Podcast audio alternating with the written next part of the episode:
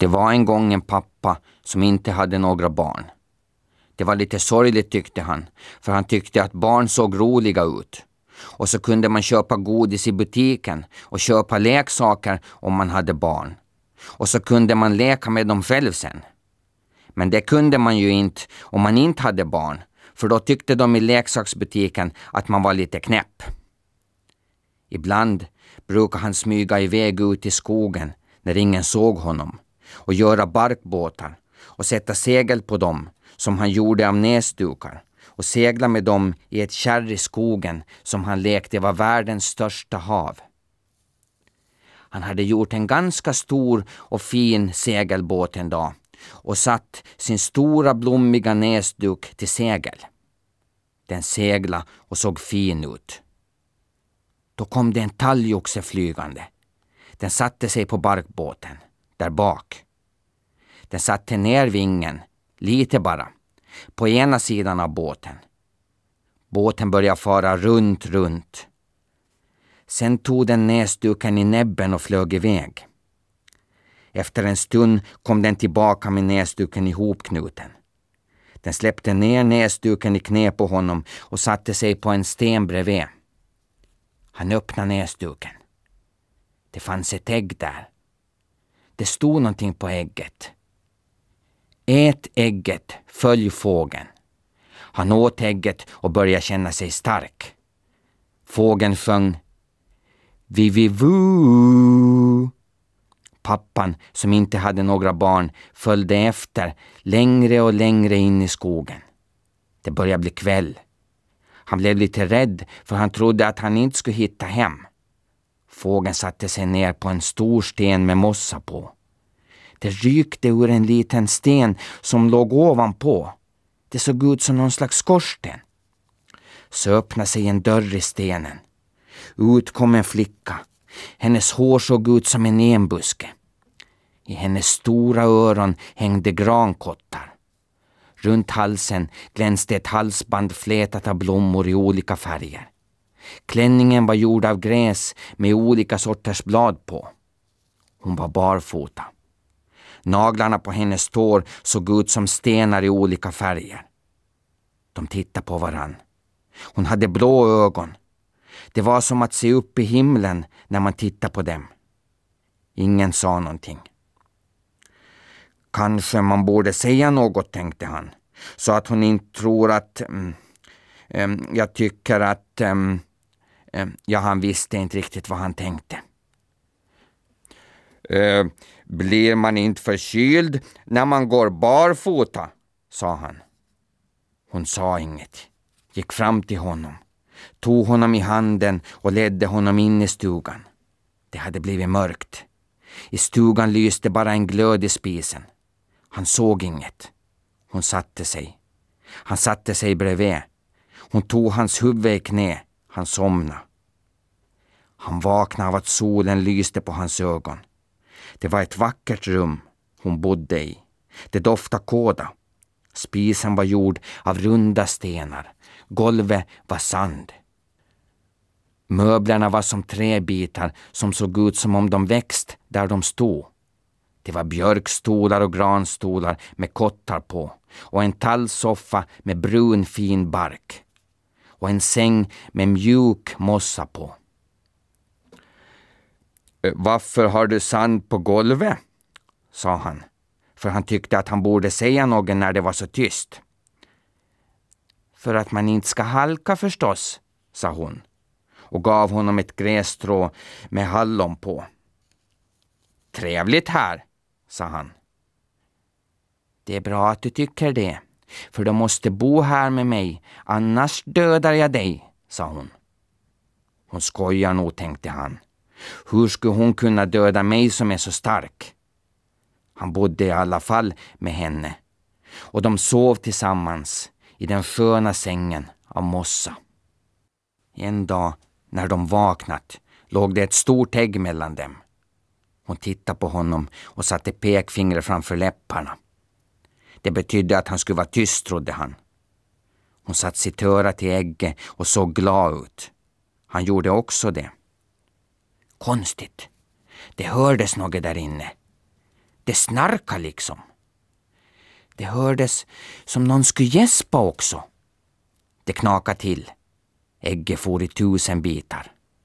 På sängen satt en liten pojke med fyrkantigt huvud. Han såg lite ut som de båda tillsammans. Han tittade på dem. De tittade på honom. Vad gör du här?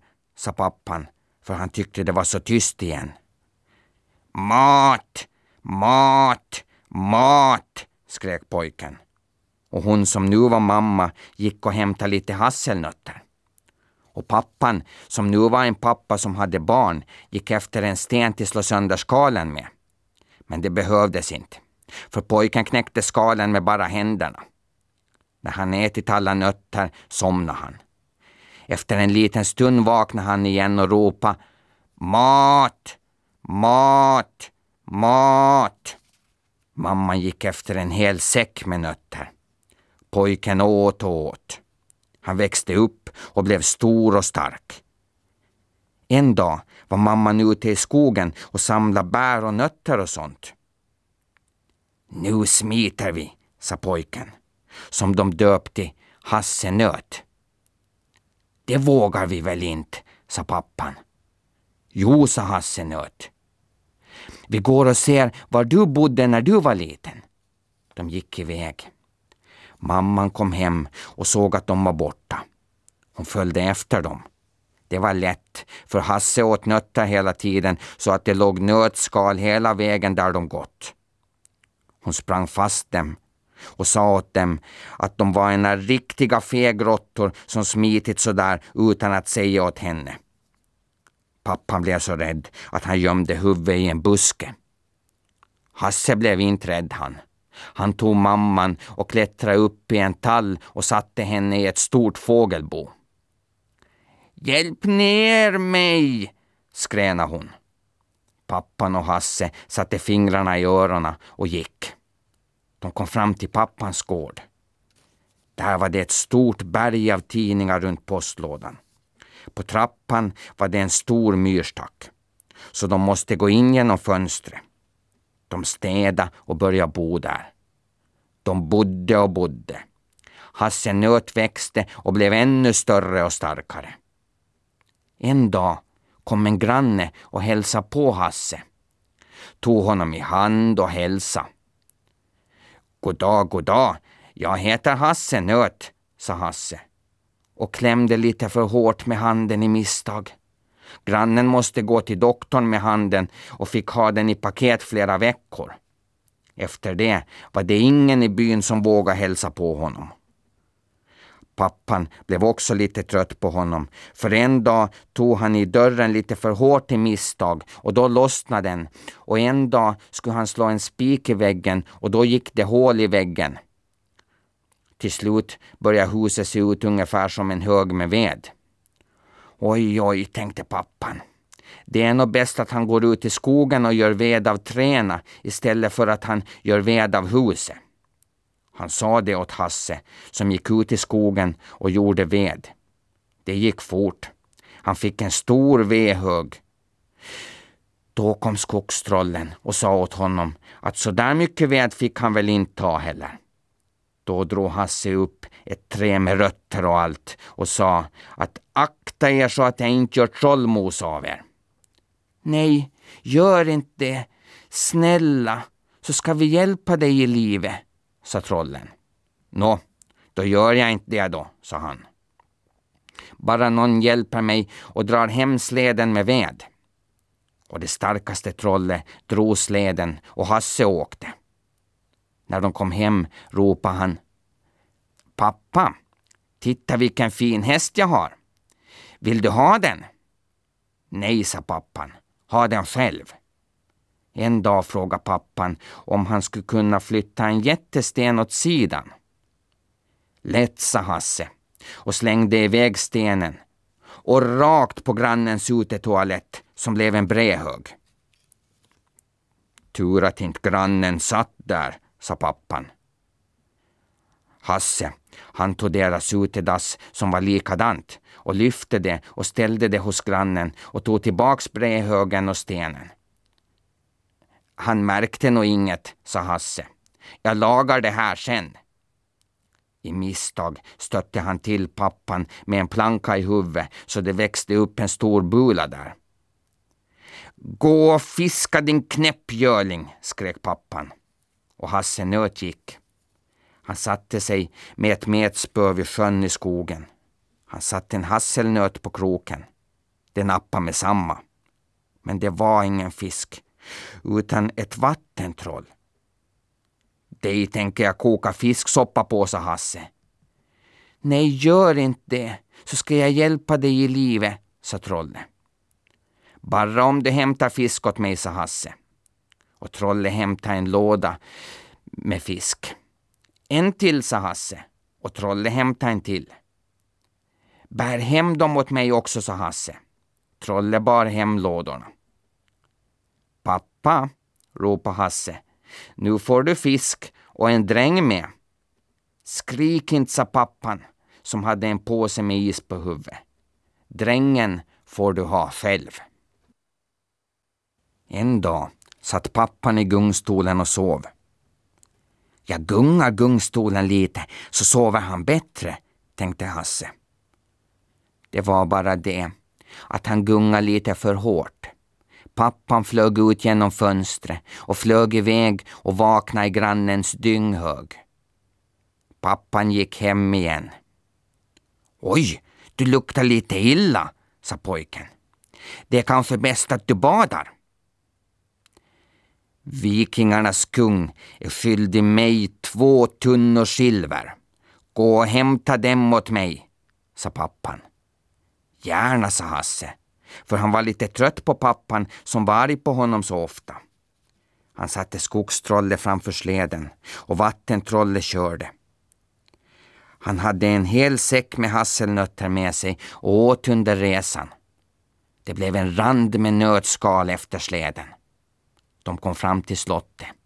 Vikingarnas slott. Bäst att knacka först, tänkte Hasse och knacka på porten. Han knackade lite för hårt bara. Porten gick i bitar och liknade mer en hög med tändstickor än en slottsport. Oj då, tänkte Hasse. Alla kom ut springande. De såg roliga ut. De hade hjälmar med kohorn på. Mu på er, sa Hasse. Vad vill du starke man, sa kungen. Han hade en hjälm med älghorn på. Ta hit två tunnor med silver, annars gör jag korvpudding av er, era kohuvuden, sa pojken. Två tunnor med silver? Det var billigt, sa kungen och hämta genast fram det, för han var rädd att pojken skulle ha sönder deras slott. Förresten vill jag ha en säck med hasselnötter också, sa pojken och fick det. De får hem igen med tunnorna. Åt pappan. Han blev glad, fast han tyckte att Hasse kunde stannat borta lite längre, för allt gick ju sönder hela tiden när Hasse var hemma. Hasse tyckte det var lite tråkigt hemma. Sakerna gick bara sönder hela tiden och då blev pappan sur för det. Inte kunde de gå och hälsa på någon heller, för de blev oftast bjudna bara en gång till folk och ingen ville komma och hälsa på heller. En dag sa han, Du pappa, jag tror att jag går ut och tittar lite på världen ett tag. Jag gör det, sa pappan som nästan blev glad att inte behöva se pojken på ett tag. Och Hasse gick ut i världen. Det är en fin värld, tyckte han. En dag stod han på ett berg och tittade på utsikten. Då hörde han ett ljud. Klonk, klonk. Det var en pojke som stod och slog två stora stenar emot varann. Vad är du för en? sa Hasse. De brukar kalla mig för Stendunkan, sa pojken. Vem är du då? Jag är Hasse Nöt och jag är ute och tittar på världen. Får jag följa med? sa Stendunkan. Om du lovar att inte dunka hela tiden med stenarna så, sa Hasse. Lovar, sa pojken. De gick iväg. Efter en stund träffade de en pojke som stod och grävde så att två diken kunde rinna ner i ett större. Vad gör du? sa Hasse. Jag leder vatten. Jag heter Vattenledaren, sa pojken. Sluta med det där och kom med och titta på världen, sa Hasse. Kul, jag kommer, sa vattenledaren. Och de vandrade vidare. De kom fram till en skog med ett hus i. Utanför huset växte ett stort ärtland. De knackade på dörren. Ingen svarade. De gick in. Det var ingen där. De var trötta och hungriga. Vi kokar ärtsoppa. Det är ingen som märker om vi tar lite ärtor från ärtlandet, sa Hasse nöt. De plockade hela grytan full med ärtor. Stendunkan stannade i stugan och kokade. De andra gick ut i skogen för att hugga ved. Då kom hon som bodde i stugan hem. Hon som bodde i stugan kallades för ärtsoppskvinnan och var ilsken av sig och luktade illa. Vem kokar ärtsoppa på min spis? sa hon. Stendunkan blev skraj. Jag vet inte, sa han. Då lyfte hon upp honom och stoppade honom med huvudet före i en soptunna som stod bredvid spisen. Han sprattlade och viftade med benen. Men han satt fast som om han skulle vara fastspikad. Sen åt hon upp all ärtsoppa. Men hon åt bara ärtorna. Resten lämnade hon, för hon tyckte inte om spade. Sen gick hon. Då kom de andra tillbaks från skogen med ved. Titta på stendunkan, skrattade de. Han passar bra där i soptunnan. Sen lyfte de upp honom. Han hade äggskal i håret och potatisskal i näsan. Sen började de äta soppa. Vart har ärtorna tagit vägen? Undrade Hasse Nöt och vattenledaren. Jo, sa stendunkaren, Huset skakade så hemskt när jag kokade att ärtorna flög upp genom skorsten. Nå, de åt i alla fall. Det var ju bättre än ingenting alls. Nästa dag plockade de ärtor igen och vattenledaren stannade i stugan och kokade soppa.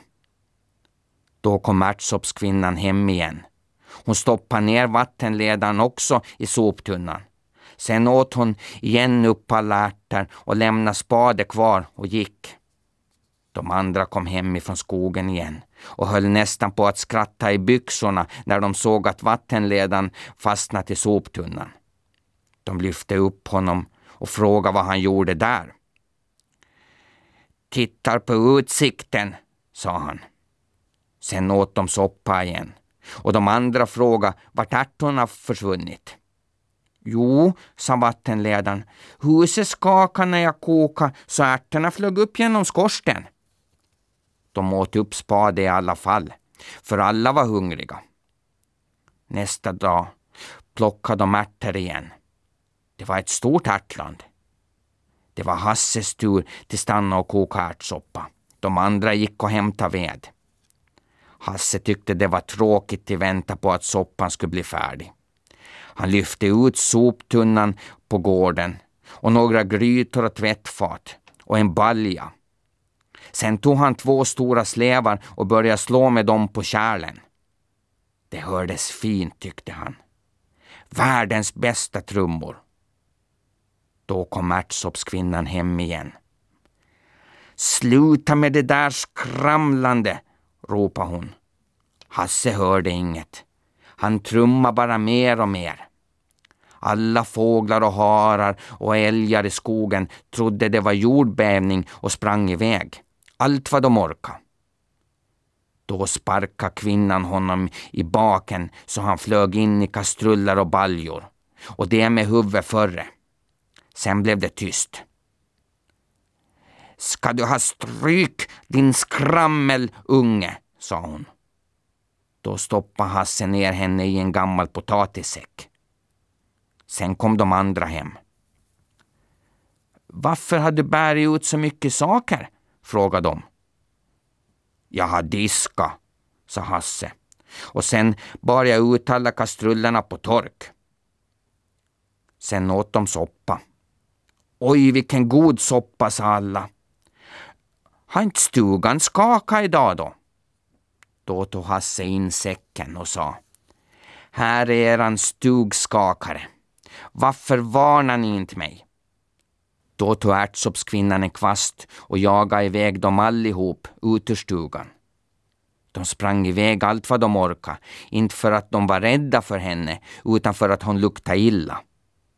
De fortsatte att gå och de tittade på världen. På nätterna gick de också. De tittade på månen och stjärnorna. Hör de också till världen?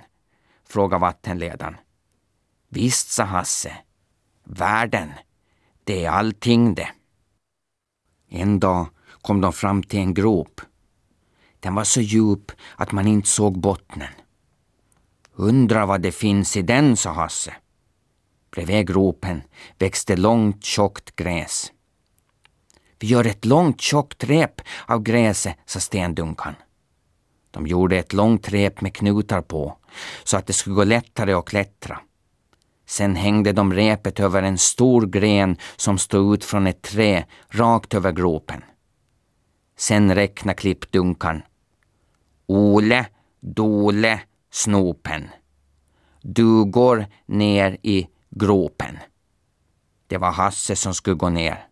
De andra skulle hålla i snöre. De släppte ner honom. Längre och längre ner. Långt ner i underjorden. Konstigt. Det blev ljust. Han kom ner till en värld likadan som världen där uppe med hav och blåbärsskogar och en stuga. Hasse släpper repet och går fram till stugan. Där sitter det en flicka utanför stugan i en gunga.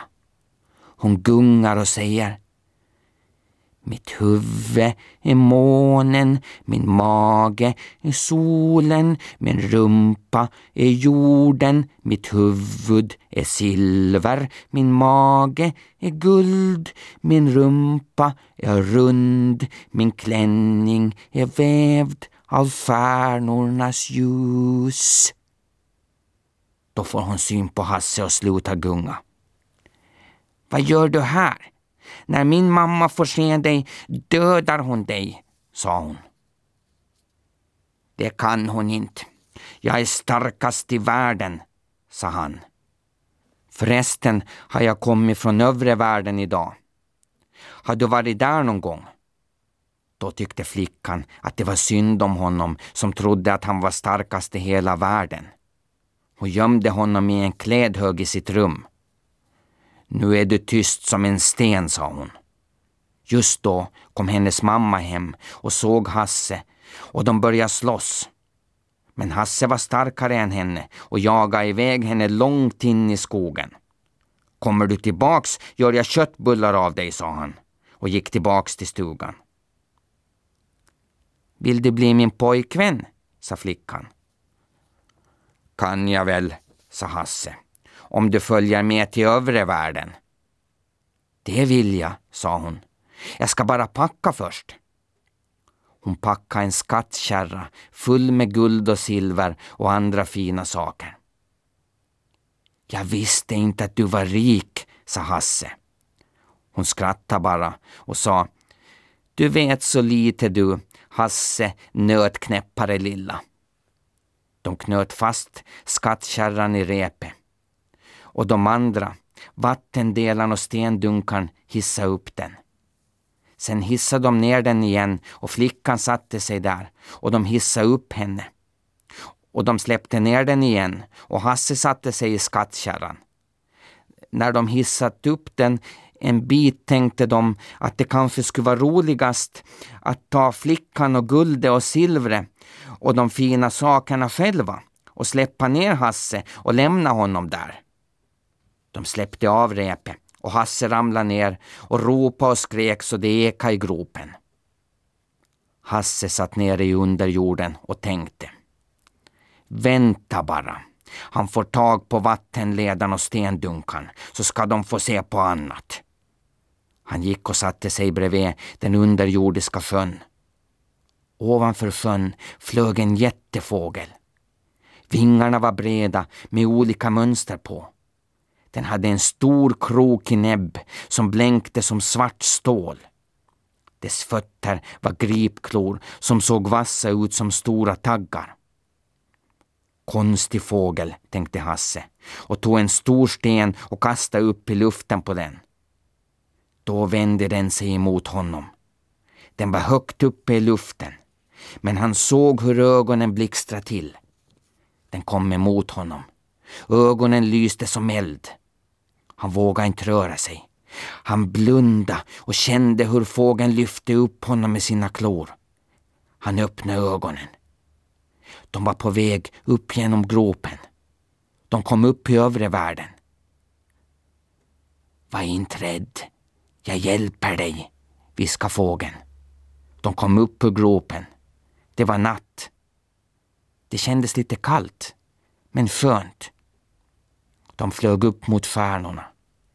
En stjärna föll och gjorde en båge. Hasse tyckte den föll uppåt.